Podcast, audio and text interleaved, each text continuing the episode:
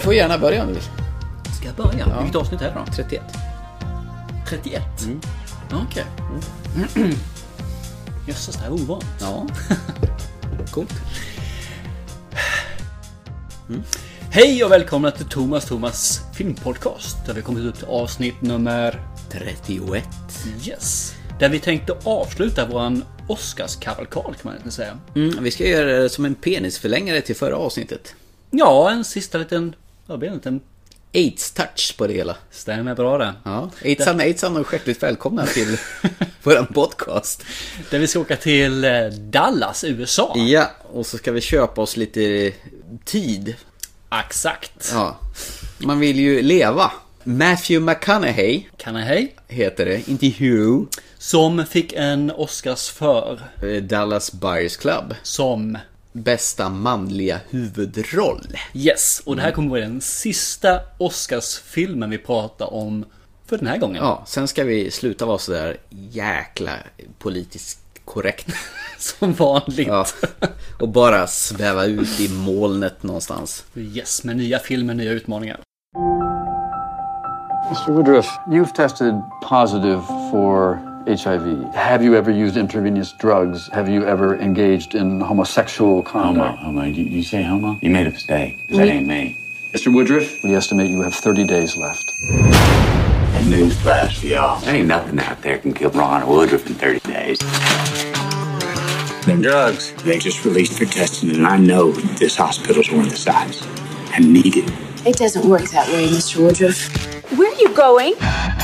They got good meds out of Mexico that's better than what you can get here in the States.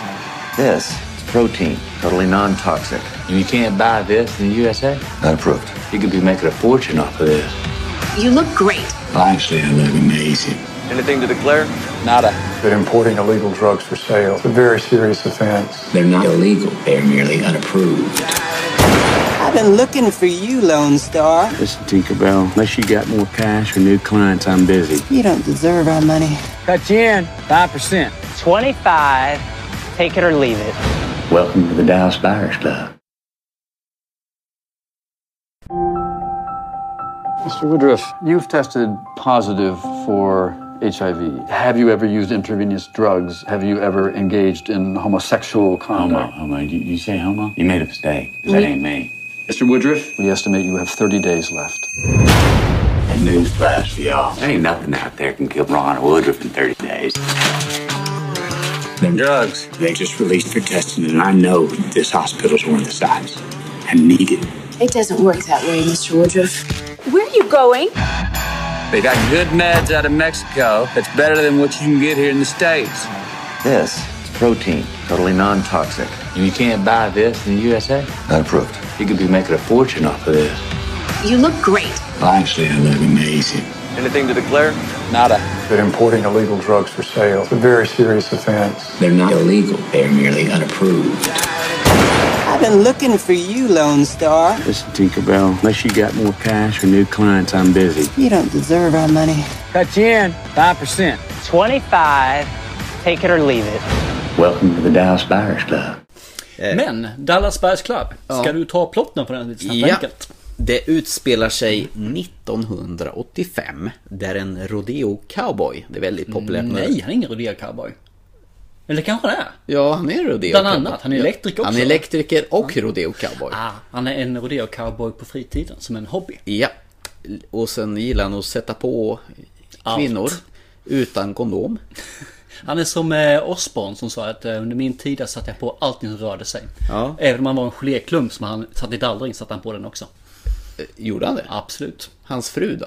Det var innan hans fru det där. Aha, okej. Men han eh, har sagt det själv. Shit. Så han har satt på en geléklump. Oh. Eller yellow var det kanske. I det här fallet så... Grönt. Ja, kör på! Jo. Matthew McConaughey, han Bara spelar... som inflika, det här är alltså fredagsmys hos herr Hellberg där vi har kalkat i oss en flaska vin och nu sitter vi och dricker lite pilsner. Eh, ja, eh, Så vi är lite eh, glada. jag gillar att vara glad. Eh, den här goa fina ölsorten som heter... Ja, vad heter den? Brown Ale? Newcastle? New- Brown Ale. Precis. En av mina favoriter. Oh. Och det är till våra sponsorer. Som eh, Pripps bryggerier. Nej, det är inte de som gör det. Hur som haver, Matthew McConaughey spelar Ron Woodruff.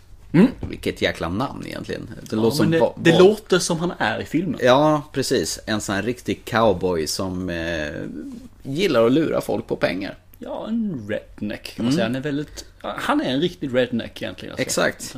Det är bara det att han har eh, kört racet lite för långt och haft lite för oskyddat sex. Hur kan man ha för oskyddat sex? Man får Mm. aids. Ja, men för många partners. Han, han säckar ihop totalt. Gör, han eh, ska göra något jobb som elektriker och blir lite slarvig där. Han får väl en eh, stöt. En riktig kyss skulle En man kunna kyss, säga. ja, Så han precis. studsar och domnar bort och sen vaknar de upp på sjukhuset. Där de då har gjort ett blodprov på honom. Ja. Upptäckt att hans T-celler är väl i botten. Ja, man ska väl ligga på en ganska hög nivå. Han har, 1500. ja, han har väl typ 15-20. Ja. Ja, vilket är ganska lågt då.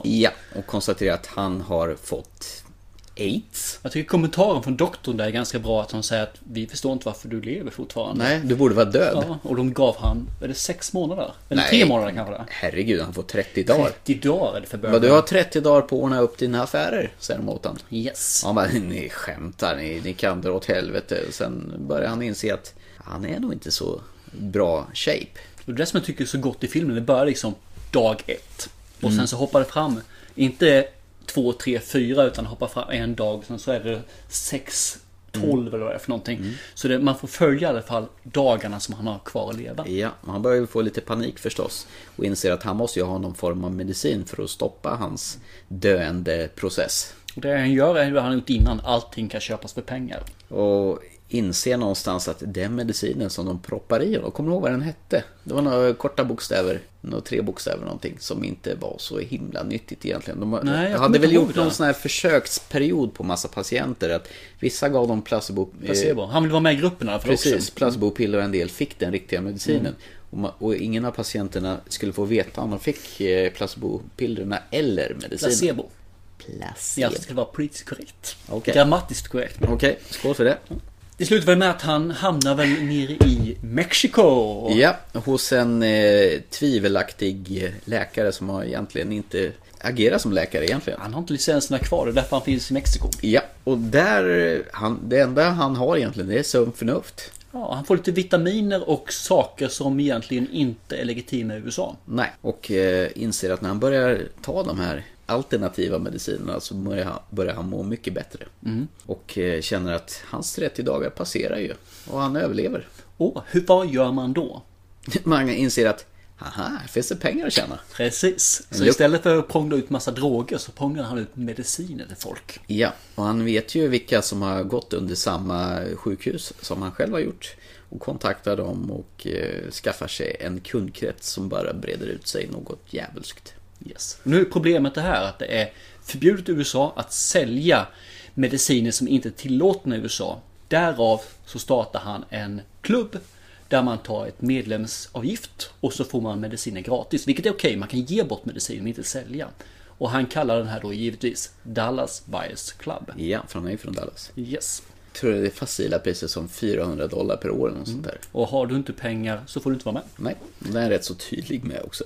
Och det här är rätt intressant för fram till det här scenariot så har det varit en ganska eh, rå och, eh, vad ska jag säga, eh, där han bara vill utnyttja andra personer Mm. och leva själv på ett väldigt snyggt sätt. Där han kan få upp pengar, han köper en Cadillac, han köper en kostym, han, han vill bara generera pengar och för sin egen välmående. Mm. Och hans partner som han träffade oss med en transvestit då. givetvis, Jared Leto, som också fick en Oscars för bästa biroll. Är världen, det Ja. får jag säga. Han Eh, ser ut som en tjej. Ja, och gör det här fruktansvärt bra. Ja, och deras samspel, han är ju homofob något Kopiöst, ja. grotesk till början. Men deras vänskap blir ju allt mer tight ju mer filmen går. Han får ju upp att även de är människor. Trots att de är lite bögiga. Transiga. Okej. Det får stå för dig. Nej, nej. Alltså han tycker ju det i filmen. Jag bara återger vad som sker i filmen. Absolut. Fan, nu kom du av dig va? Ja, nej, egentligen inte. Men det man får säga här är ju att då är det pengar som gäller. Allting han sorterar bort, de som inte har de här 400 spännen, försvinn. Sen så händer vissa saker i filmen som gör att det svänger. Och det, det innebär att det går från den här scammers-filmen där det handlar om att pengar, och få- ta pengar från andra pe- människor för att man själv ska få ekonomisk frihet till att han faktiskt kämpar för aidssjukas sak. Att de ska överleva, ja. Japp, att hon ska få rätt medicin eller istället för den här medicinen som jag dock inte kommer ihåg namnet på som han anser att det är ett gift. Vilket det faktiskt är, det är ett gift som tar, tar död på Mm. Ja, cellerna. de slår ju ut liksom det lilla de har kvar. Mm. Så att de dör istället. Och det man kan säga, bara för att hoppa lite fram till det här giftet som de anser då är det här. Det är faktiskt ett läkemedel som finns idag. Mm. Och som är- är väldigt bra fungerande men i en annan Variant. tappning om man säger så. En kombination med lite andra, Exakt. annat innehåll. Undrar om det är det som han får, han he-mannen i Alcazar. Ja, inte vet jag.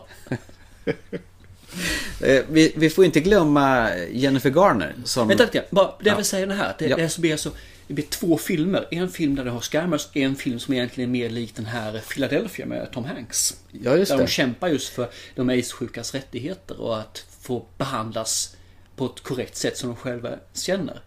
Och när jag såg den här filmen så kände jag lite grann, är det här någonting som är kommande och något som är modernt nu? Att man vill ha flera filmer i en film. Där man gör en Mm. film på ett styck och sen i filmen så gör- ändrar man riktning och gör den till en annan film. Mm. För man blir lurad i den här filmen. Man, man kommer in i filmen, den är lättsam, den är, den är vä- väldigt humoristisk och väldigt fartfylld. Trots till att, att- man sen går in och får den här filmen där den är väldigt djup, tragisk och engagerande på ett politiskt och korrekt sätt.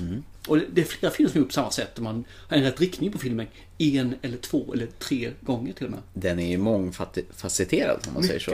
Och det, det är intressant att det är den vägen man luras in i en folla och den fortsätter i en tredje. Och jag tyckte om båda delarna av filmen. Faktiskt den andra film, delen av filmen ännu mer än den första. Det som är intressant också det är de här överläkarna som medicinerar sina patienter som bara rent kallt vet om att det finns placebo, placebopiller och riktig medicin. Och Mm. de har statistik på att det här medicinen är farlig. Men de fortsätter och medicera, medicinera. Man har ju fabricerat resultaten lite grann för att eh, de ska bli lite bättre än vad de egentligen Ja, är. det är ganska liksom skrämmande hur det hela är. Och hur mycket hur verkligheten det här speglar. Och nu in till Jennifer Garner som du Ja, så eh, fint ville komma till. Precis. Jennifer Garner, vad, vad känner du om för henne? innan. Hon är en otroligt söt tjej. Mm.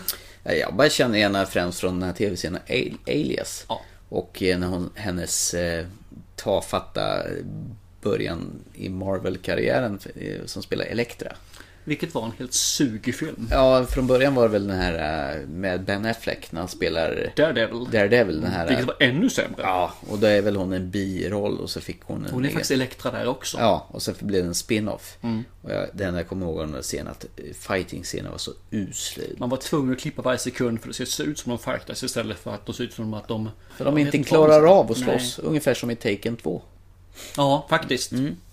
Eh, nej men hon har ju knutit ihop eh, Matthew McConaugheys och Jerry Letos rollfigurer. Hon är ju liksom den som binder dem tillsammans egentligen. Hon är ju bådas Ja. läkare och även McCananeys rollfigur som vän. Nej, men hon gör en bra prestation. Ja. Jennifer Garner. Och det, det får jag faktiskt säga, det gör de spru- allihop ja, egentligen. det sprutar lite desperation över henne. Ja. Och liksom hennes tröstlöshet att hon eh, känner att hon jobbar för... Hon kommer ingen vart med det hon vill. Hon är ju en doktor men hon... Samvetet. Känns som hon är nyare doktor än de andra, så hon är inte samma samvet- hierarki. Nej, och samvetet spökar där. Hon, liksom, Yes. hon har sitt jobb och hon vet vad hon måste Mer göra. empati för sina Ja. patienter kanske. Precis. Och tar vi Matthew McConaughey så pratade vi om han förra avsnittet ju. Mm. I vilken film då? Ja, vi pratade väl om Dallas Buyers Club lite grann, eller? Ah, Han var ju med i en annan. Wolf of Wall Street. Wolf Ja, of förlåt. Street. Ja. Vilket också var Oscars-nominerad givetvis. Gud vad vi gjorde den bra. Ja, visst. Vi var fantastiska. Ja, vi har fått så mycket feedback från det där dunkeriet i magen så att Så vi kommer fortsätta med det. ja, varenda avsnitt kommer vi börja med Det jag vill komma med det här var att McConaughey, han kan göra ett spektra av eh, roller. I det Mm. här fallet går han ju in i en väldigt djup och väldigt intensiv kar- karaktär egentligen. Som är bred och egentligen lågutbildad kan Ah, Så man ju säga. bred är han väl inte för han är Jo, men hur han utvecklas i filmen tycker Ja, jag att han så är jag menar, bred. han är inte så bred för han är ganska mager i den här filmen. Ah, det menar så. Ja, han är våldsam. han ser aids-sjuk ut. Ja, det gör han faktiskt. Han gör som eh, han Batman-skådisen gjorde, eh, Christian Bale i Machinist. Han gick ju ner sig så att han såg också aids-sjuk ut fast han inte var aids-sjuk. Så min tanke är, gjorde han den samtidigt som han gjorde True Detective så han är väldigt utmärglad där också. Ja, och det är ju en våldsamt bra serie.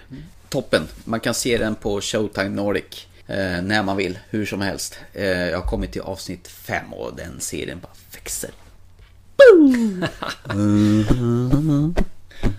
Jag tycker den är okej, jag är tyvärr inte lika fast i den än. Men, eh, ge mig tid. Ge mig tid. Mm. ge- alltså, se klart den. Eh, som jag sa i förra avsnittet att den har ju blivit en riktig succé.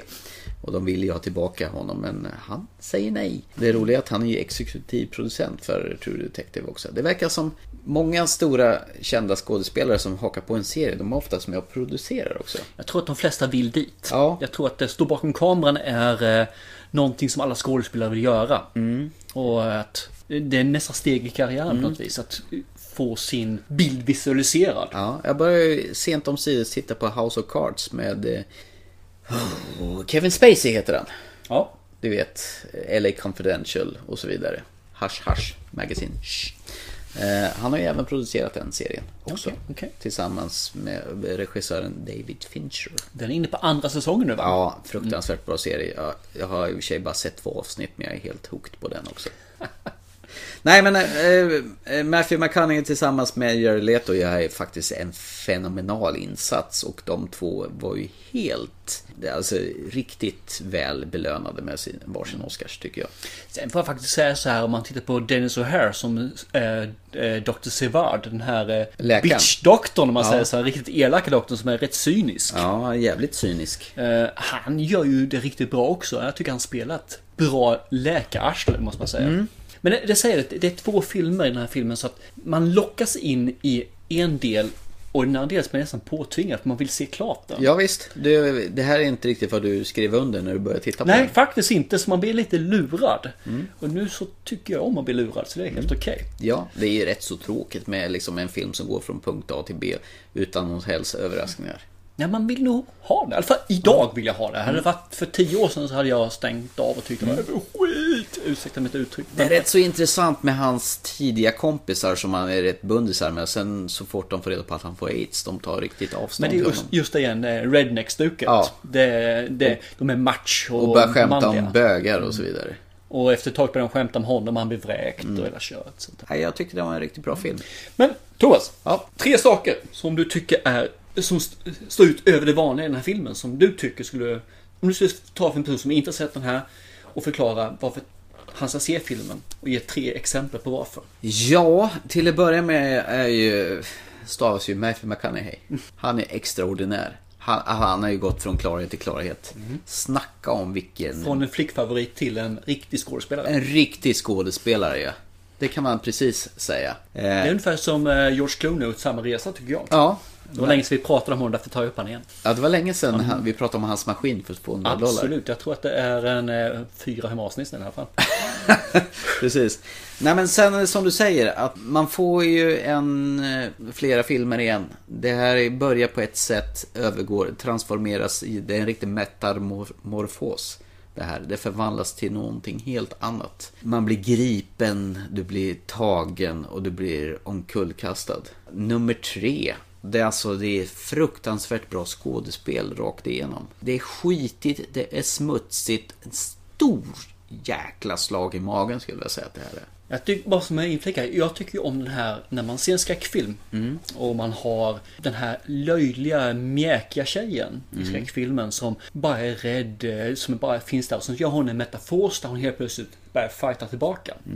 Han gör samma resa, McConaughey, i den här filmen. Från att han är den här homofobiska, enkelspåriga personen som bara vill se, eller till vara i rodeo, dricka öl, knulla fruntimmer. Till att han egentligen är den här personen som driver sin sak framåt för, för att det är det rätta.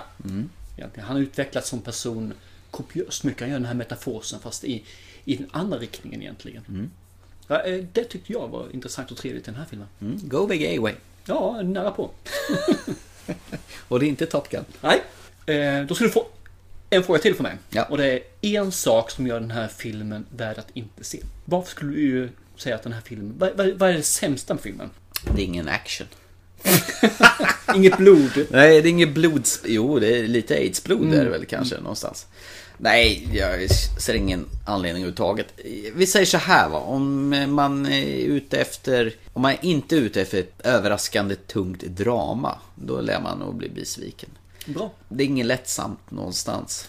Nej, den är, den är riktigt tung i slutet. Jag Ja. måste säga att jag fick faktiskt tårar i ögat eh, i slutet där framförallt som jag blev väldigt gripen i filmen. Mm. Så att, eh, eller, inte slutskedet, utan, eller slutscenen, utan i slutskedet. Mm. Som jag kände mig väldigt tagen. Jag måste säga att jag blev mer tagen av den här filmen, hur den visualiserades och drev framåt, än jag blev i 12 Years a Slave till exempel. Mm. Det håller jag med om. Jag är rätt så övertygad om att när jag såg 12 Years a Slave att det här är ju Oscarsfilmen nummer ett. Vilket det blev som bästa film, visserligen. Men inte som bästa huvudroll. Och det kan jag håll- starkt hålla med om att det här, han, eh, Matthew förtjänar det här bättre. Och det är rätt kul, gå tillbaka här en 15 år så skulle jag aldrig se Matthew McConaughey som en Oscars-nominering av bästa skådespelare. Nej, Eh, Han var ju den här som bara eh, hade kul och gjorde komedier. fr- Ja, Mm. från- Romantisk komedi Ja. på köpet. Ja, Det enda närmare han gjorde thriller, det var väl i och för sig Jury med Sandra Bullock. Och Det var Samuel en Jackson. thriller. Ja men det var väl en thriller? Det var väl en sån John Grisham-thriller? Ja, fast ändå. Den Ja. var ju mer romantisk eh, thriller. Den var i väl alla fall. kanske en variant på den här Few Good Men med Tom Cruise och Jack Nicholson. På heder och samvete. Mm. Fast i en eh, sån här eh, jury eh, advokats... Och mer rosa skimrande. Ja. Ja, förmodligen. Nej men så är det! Klar så! Är det årets bästa film fast det kom 2013? Jag tänker inte uttala mig om den saken. Jag Jag vet ju försökte. vad du vill. Du Claudia, eller vad du hette. Jennifer. Nej, jag var Jennifer, du var någon annan. Var det du som var Jennifer? Mm. Okej, jag vill vara Jennifer ju. Ja, och den filmen hade ju du inte sett fast du hade sett den. Känns inte det att du börjar bli jävligt gammal? Jag är jävligt gammal. Äh, vadå inte jag har sett den? Vadå? Nej. Förklarat plotten 18 gånger. Och bra musik, nedkastad i ett hål, kommer tillbaka och tuggar i sig en massa tonårskillar med gigantiska eh, äckliga tänder. Kommer inte ihåg någonting. Eller så är det för du är feminin och tänkte det du sa precis nu fast du talade bara om att det var en tjej i filmen till mig. Eller också är jag jävligt dålig på att förklara film. Det är det jag menade. Med det Ja, så vill jag gå vidare till film nummer två. ja då tar vi Som är... återträffen. Jag kan inte säga att jag minns inte så mycket av, av vår klass. Alltså, jag har ju min bild av hur jag var. Men det var intressant att höra vad du har för bild av mig. Jag kan visa den här filmen nu. I den här filmen så är jag bjuden. Så att det är lite så här, eh, tänk om. Vad hade hänt om jag hade kommit? Var det det här man ville undvika? Härligt att se att det är så många som har kommit. Eh, Skål! Det har varit jättekul om några av er kanske vill säga några ord om de fantastiska nio åren som vi faktiskt hade ihop. För mig var det en ständig kamp. Det handlar inte om att skuldbelägga. Utan om mitt behov av att säga det jag inte kunde säga då. Jag var den man skrattade åt. Den man eh, knuffade på. Den man helst ville slippa se.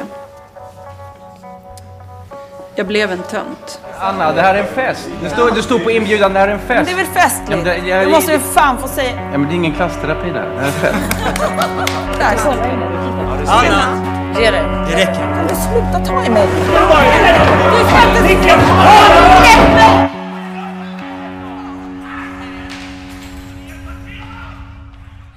Återträffen med Anna Odell som är, hon är väl mest känd för att hon in- iscensatte ett självmordsförsök eh, på Västerbron i Stockholm för några år sedan. Ambulanser, poliser och psykologer kom dit och skulle tvångsomhänderta henne. Men Hon blev ju tvång- tvångsenhörd. Ja, hon blev ju det. Också. Och så visade det sig att det var ett konstnärligt projekt.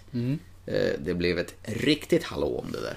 Ja, det är också det jag känner till från henne och jag har tyckt uppriktigt illa om det, Ja. det scenariot. För jag, jag tycker att det var fel. Ja, Jag tyckte det är någonting som en psykiskt störd person gör. Ja, Ja. det var det ju. I princip.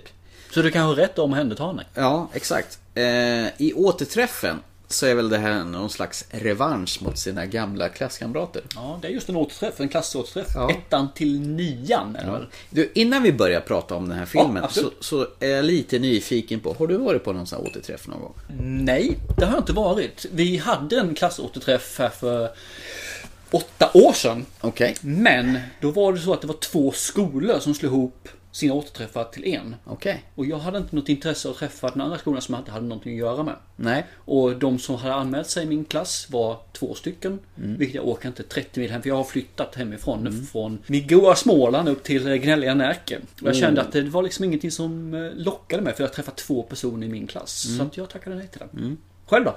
Nej, alltså det fanns ju något företag här i stan som gjorde en grej av det där att man bjöd in sådana som hade slutat nian tio år senare till Brunnsparken här i stan. Och bjöd på en sån här tacobuffé och så vidare. Wow. Wow!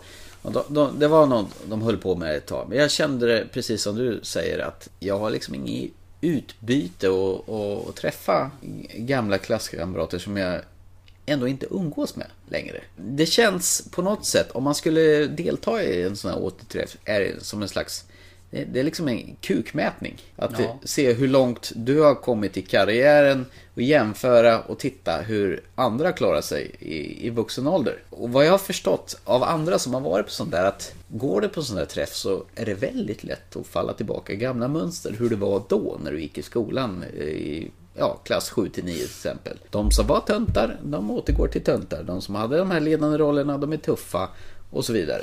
Jag har inget intresse av det överhuvudtaget. För det är lite grann den här filmen handlar om. I alla fall, man säger, filmen inleder två stycken delar. Det ena är egentligen återträffen, själva festen. Och det andra är, vad, vad heter den, del två? Del två, det är väl eh, intervjudelen? Intervju- ja, precis, när hon träffar de här Den personerna in real life igen. Den första delen kallar hon för talet va? Ja, talet är just det. Men om vi säger så här, för det handlar ju om en klass som har gått från ettan till nian tillsammans. Mm.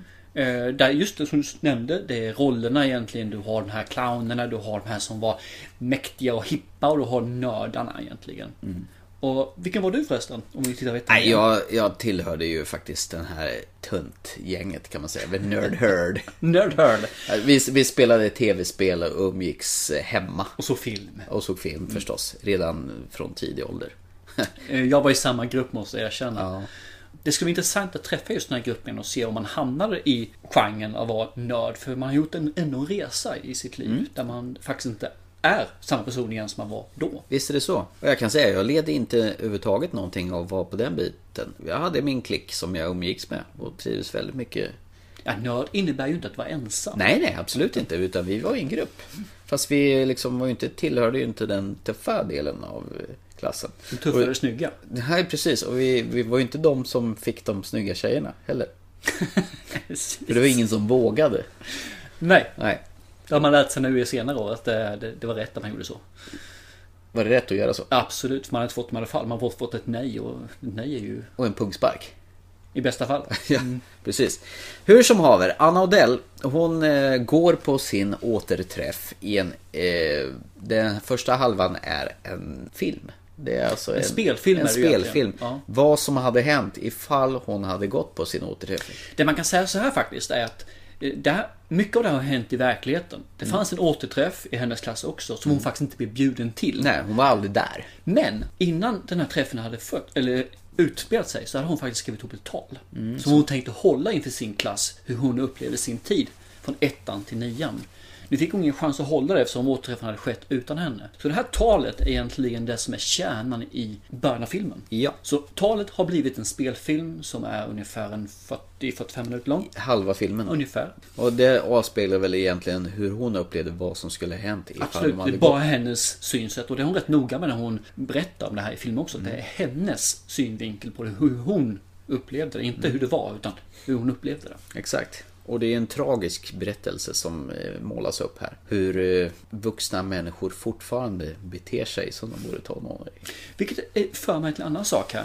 Ursäkta att jag gör ett sidospår här, men Anna Odell hade en svår uppväxt i skolan. Hon blev konstnär. Mm. Vi har Jonas Gardell som hade en otroligt svår uppväxt också. Och Mm. han blev också en mångsysslare och konstnär och en väldigt medial person. Och det här finns, det är alltså två exempel, men det finns massor av exempel av de här som har gått upp och blivit skådespelare, komiker, konstnärer. Att de har haft det svårt. Eh, Krävs att man har haft något svårt i bakgrunden? För att... Ja, jag tror nog det. För annars hade de inte varit de personerna som de är. Men kan det inte finnas någon som har något gott att ta med sig fram i sin karriär som skådespelare, som komiker, som konstnär? Ja, jag vet inte. Det blir inte såna här eh, sidospår, såna här eh, språngbrädor som den här filmen är i så fall. Utan då blir det nog mer mainstream. Jag tänker på Felix Herngren till exempel. Som gjorde nu 100-åringen som försvann och kröp ut genom... Mycket ja, eh, som hoppar ut genom fönstret försvann. Ja, precis. Nej, som har blivit en- Med Jonas Jonasson som eh, Ja, författare som till blivit boken. en multimiljon grej den här gången. Jag har inte sett filmen än. Ska jag Nej. göra den sen när den kommer ut? Ja, på precis. DVD? Bra Felix. Det här har du ju lyckats med. Där har du en då, men han är ju rätt konstig i sig själv. Han Ja. har till exempel inget ansiktsminne. Han känner inte igen folk. Han känner knappt ihop ens sina barn. Nej, men han är ju en multikonstnär. Men fortfarande har han ett problem. Ja, precis. Och det är väl det som är grejen. Att eh, du kan inte vara... Du måste ha ett problem som du ska kunna bearbeta och kunna ta fram vid behov då egentligen. Ja. Ja, det kanske är det som behövs. Ja, jag tror det också.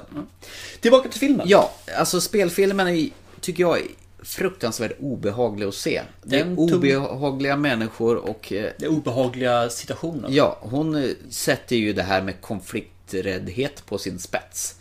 Hon är ju inte konflikträdd någonting. Hon kunde ju inte när hon gick i skolan berätta vad hon eh, tyckte och tänkte. Utan de tyckte i princip att hon kunde lika gärna gå hem och ta livet av sig. Så vore det ju mycket bättre värld utan henne. Och i den här nu har hon vuxit upp och tycker att nu har jag min chans att berätta hur jag upplevde situationen som jag inte vågade ta fram när jag var liten eller yngre. Exakt, och nu har jag chans att bombardera mot alla som varit taskiga mot mig. Så att ni får förklara eller hur ni upplevde situationen. Han gjorde ju något liknande. Han den här eh, solbrände mannen i eh, Stjärnorna på slottet. Med hårsvall. Patrik Sjöberg. Nej. Han gjorde faktiskt samma sak. Han... Kärleken är, kärleken är. Han var ju med i Ja, Melodifestivalen. usch. Det har han förträngt för länge sedan. Jag Ja. ja. kommer ihåg det heller. Han är författare. Och, Mm, Diktsamlare. vad han är ja, för något. precis. Han gjorde ju likadant. Han eh, st- satte ju sig i, i kameran och pratade in till sina plågoandar. I... Men i alla fall. Björn hette han va?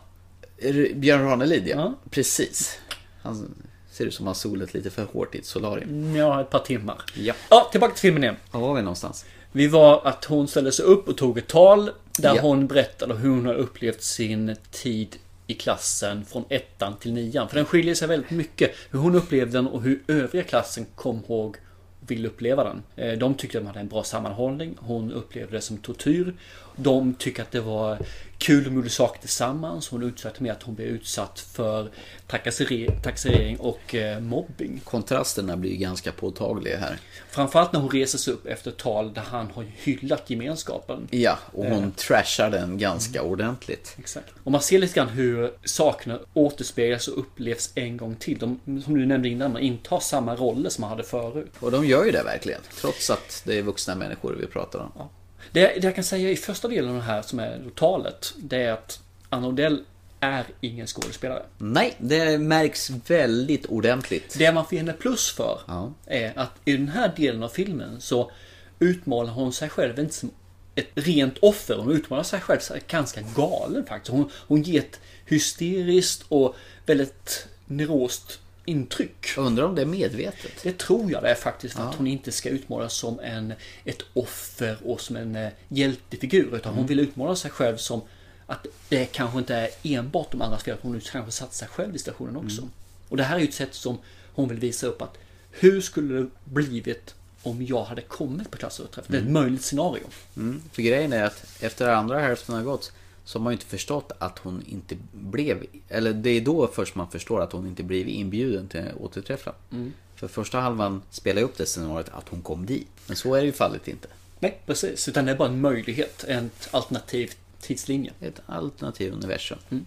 Om man så vill. Och del två då är ju egentligen där hon tar kontakt med sina forna klasskamrater. Vill att bjuda in dem och se filmen. Som hon har gjort då. Där hon vill se reaktionerna och tala om att så här upplevde jag det och så här skulle jag tro att det kunde ha blivit. Och hur, vad tycker du?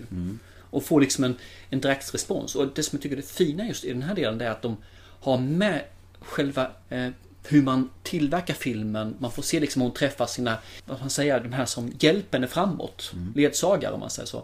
Att hur bolla vad de tycker och känner om filmen. Hur upplevde du det här? Hur långt har du kommit i processen? Hur många har du fått tag på? Vad sa de? Hela tiden så rullas det framåt. Mm. Jag, jag, jag tycker andra delen är riktigt, riktigt bra. Första delen är kusligt obehaglig. Mm, det är den faktiskt. Eh, Det är som helt två separata delar. Det är det som gör filmen så fruktansvärt Och intressant. där kommer vi tillbaka igen. En film som har två filmer i sig. Mm.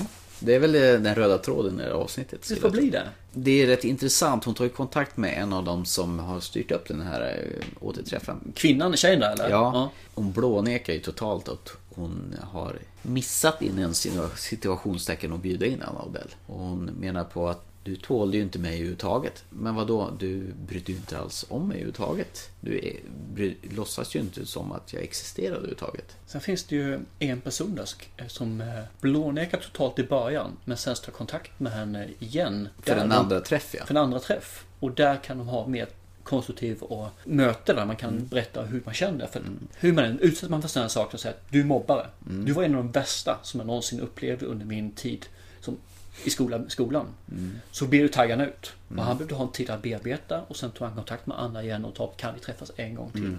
Till att börja med så känns han som bara som att han är hotad och att han vill inte bli utmålad som ett praktarsel. Fast å andra sidan, någonstans där på vägen så känns det ungefär som de möts. Ja, absolut. Och han tog sitt ansvar i hela samtidigt som Anna fick göra det också får man Mm. säga. Sen samtidigt finns det ju andra personer som finns med. Man får se liksom när de ser filmen och kommentarer där de frågar sig, vem är jag? Ja. Vilken av karaktärerna är jag? Och förstår inte Nej, en vem- del förstår inte och andra förstår. Ja. Och det är lite intressant för då har du ju hela personspektrat. Liksom att eh, vissa folk är helt klara på vilka de är, andra liksom är helt ovetande. De har inte fattat någonting. Nu låter det som att vi spoilar väldigt mycket av filmen, vilket vi faktiskt inte gör. Nej. För hur mycket vi än berättar om det här så är det ändå känslan i filmen som kommer bli den som driver den framåt. Och det kan vi inte förmedla som jag känner just nu. Nej, exakt. Det finns ett par saker som jag inte riktigt begriper med den här filmen i och för sig. Det är hennes löparrunder. Jag tror att den är meningen för att visa att tiden går. Det är enbart det. Man ser henne springer med hörlurar och så lyssnar på någon skum låt. Bra löparsteg. Ja, hon har väldigt, det upptäckte jag. Hon har ett väldigt bra löpsteg. Så att det- det är, Anna Odell, du, är, du har en framtid som en duktig maratonlöpare. Nej men jag tror att det var just att visa upp att det finns tid förflyter, visa upp att det tar en stund att få tag i folk, få dem att komma till sans att börja diskutera saker och ting. Mm. Och eh, jag tycker, den, den känslan fick jag i filmen i alla fall. Det är en väldigt relevant film, hur som haver, och viktig film. Så jag tror... Obehaglig film. Ja, det här berör nog alla som har gått i skolan. Ja, absolut. Förstås. Och det ger nog kanske en tankeställare till alla som har varit taskiga mot någon. Ja, eller som har blivit utsatta för det också. Ja, innan det är det så är det ju en väldigt aktuell film. Hon fick ju faktiskt en eh, Guldbagge för bästa film. Och det måste väl vara den största revanschen mot sina plågoandar överhuvudtaget. För tittar man i filmen så ser hon sig fortfarande faktiskt som en ganska låg Mm. när det gäller hierarki. I det, här. Det, det framgår i filmen också där, att hon känner sig fortfarande väldigt låg. Och det är kanske det som kan förklara hennes sätt att eh, göra sina konstverk, Mm. sina projekt. Att hon vill referensera sig själv och visa upp att jag kan, jag är någon, jag vill bli. Mm. Och jag skulle erkänna det här, den här filmen tittade jag på i flera omgångar. Jag var tvungen att stänga av filmen flera gånger för att den blev mig övermäktig. Jag tyckte den var väldigt obehaglig i första delen alltså. Jag tyckte att jag kunde inte se klart den, för jag kunde inte ta till mig den. Det- Den blev, det blev för mycket. Mm, men eh, tror inte det som var lite meningen? Jag tror det. Och det lyckades ju med. Men eh, för mig var det för mycket och jag kände att det kanske är f- erfarenhet man själv har också kommer ifrån. Nej, I det stora hela, jag tyckte det här var en väldigt givande och återigen en spark i magen-film. Det är som jag sa innan, erfarenheten när jag gick in och såg den här filmen var att jag inte tyckte Anna Odell var något vidare. Mm. Eh, vad jag har läst om henne och sett vad hon har gjort för någonting. Jag har re- reviderat åsikten en hel del efter den här filmen. Jag tycker hon gör den här riktigt bra. Du är ingen skådespelare Anna, det är du inte, kommer aldrig någonsin bli. Men däremot är du en bra konstnär. Och det här var ett väldigt intressant projekt som du ska ha all heder för. Absolut. Så! Mer än så vill jag inte säga om den här filmen faktiskt. Nej, eh, se den. Det tycker jag verkligen. Eh, Ska vi köra våran gamla eh, premiss? Dallas Buyers Club, värd att se eller inte? Den är alltid värd att se. Och Matthew McConaughey, han är ju den mest lysande stjärna i Hollywood just nu. Just nu så har han en riktig Och se för tusan eh, True Detective om ni inte har gjort det. Du också. Jag håller på. Ja. Och eh, återträffen. Värd att se eller inte? Om man bara säger i utbildningssyfte och i att se sig själv, sin egen självbild och hur man växte upp så är den ju en förträfflig film. Annars är den en utmärkt film. Det är som att se sig själv i en spegel. Mycket. Vem man nu är i persongalleriet, det får man ju själv avgöra men eh, den, den är värd att se. Den. Yes. Och detta avslutar nog vårt eh, 31 avsnitt av Thomas och Thomas filmpodcast. Och vi ska ju förstås innan vi slutar göra lite reklam var ni kan hitta oss. Och vi finns på Facebook. Det gör vi och där inser vi att ni gillar och eh, pratar med oss. Det tycker vi är kul. Absolut. Gör det ännu mer och ni får gärna gilla oss och ni får dela oss så att fler hittar till oss. Ta gärna och tala om vad ni vill att vi ska prata om i framtiden. Så Mm. kommer vi att beakta det väldigt högt. Jag har idag använt många, eller några stycken i alla fall. Precis, deras filmtips. Vi har kikat på filmer som vi normalt inte kanske hade tittat på och blivit glatt överraskade av diverse dokumentärer och andra trevliga filmer som vi inte kanske hade valt att se på annars. Stämmer bra det. Annars finns vi på iTunes givetvis. Det är bara att söka på Thomas och Thomas filmpodcast så hittar ni oss. Och med det så kan vi väl säga hej då och ha en fantastisk vår här ute. Ja, det börjar klia ordentligt i ögonen och eh, för bästa botemedlet är att se film vad jag förstår. Fungerar alltid. Jajamän. Ha en skön kväll. Ha det gott, gott, gott. Hej, hej. då.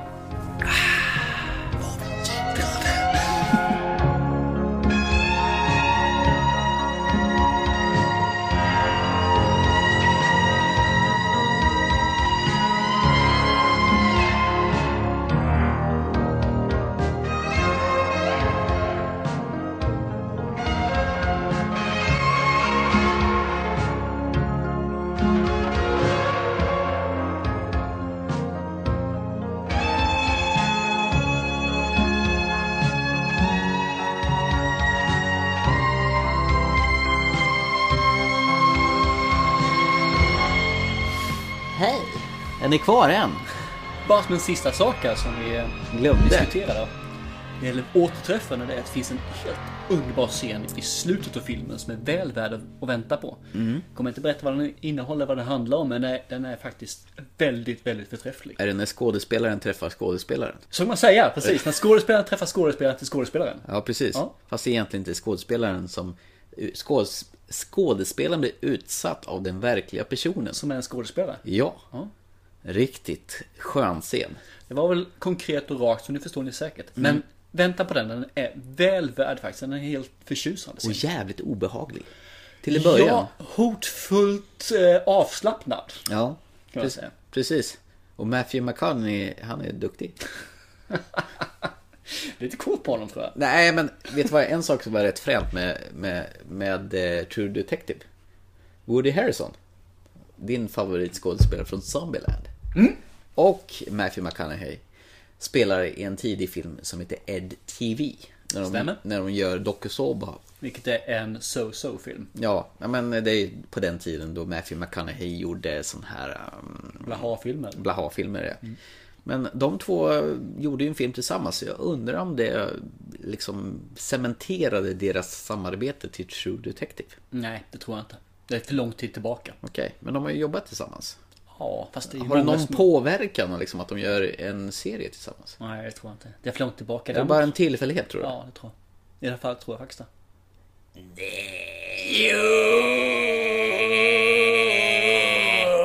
Säkert? Ja, absolut. Ja. Nej, men det är ju min eh, synsätt på det hela. Mm. Eh, bara som en sak till förresten också som är väldigt viktig att poängtera. Mm. Inte beer buddies utan drinking buddies. Drinking Buddies. Mm. Var den värd att se? Ja, det är den. Faktiskt.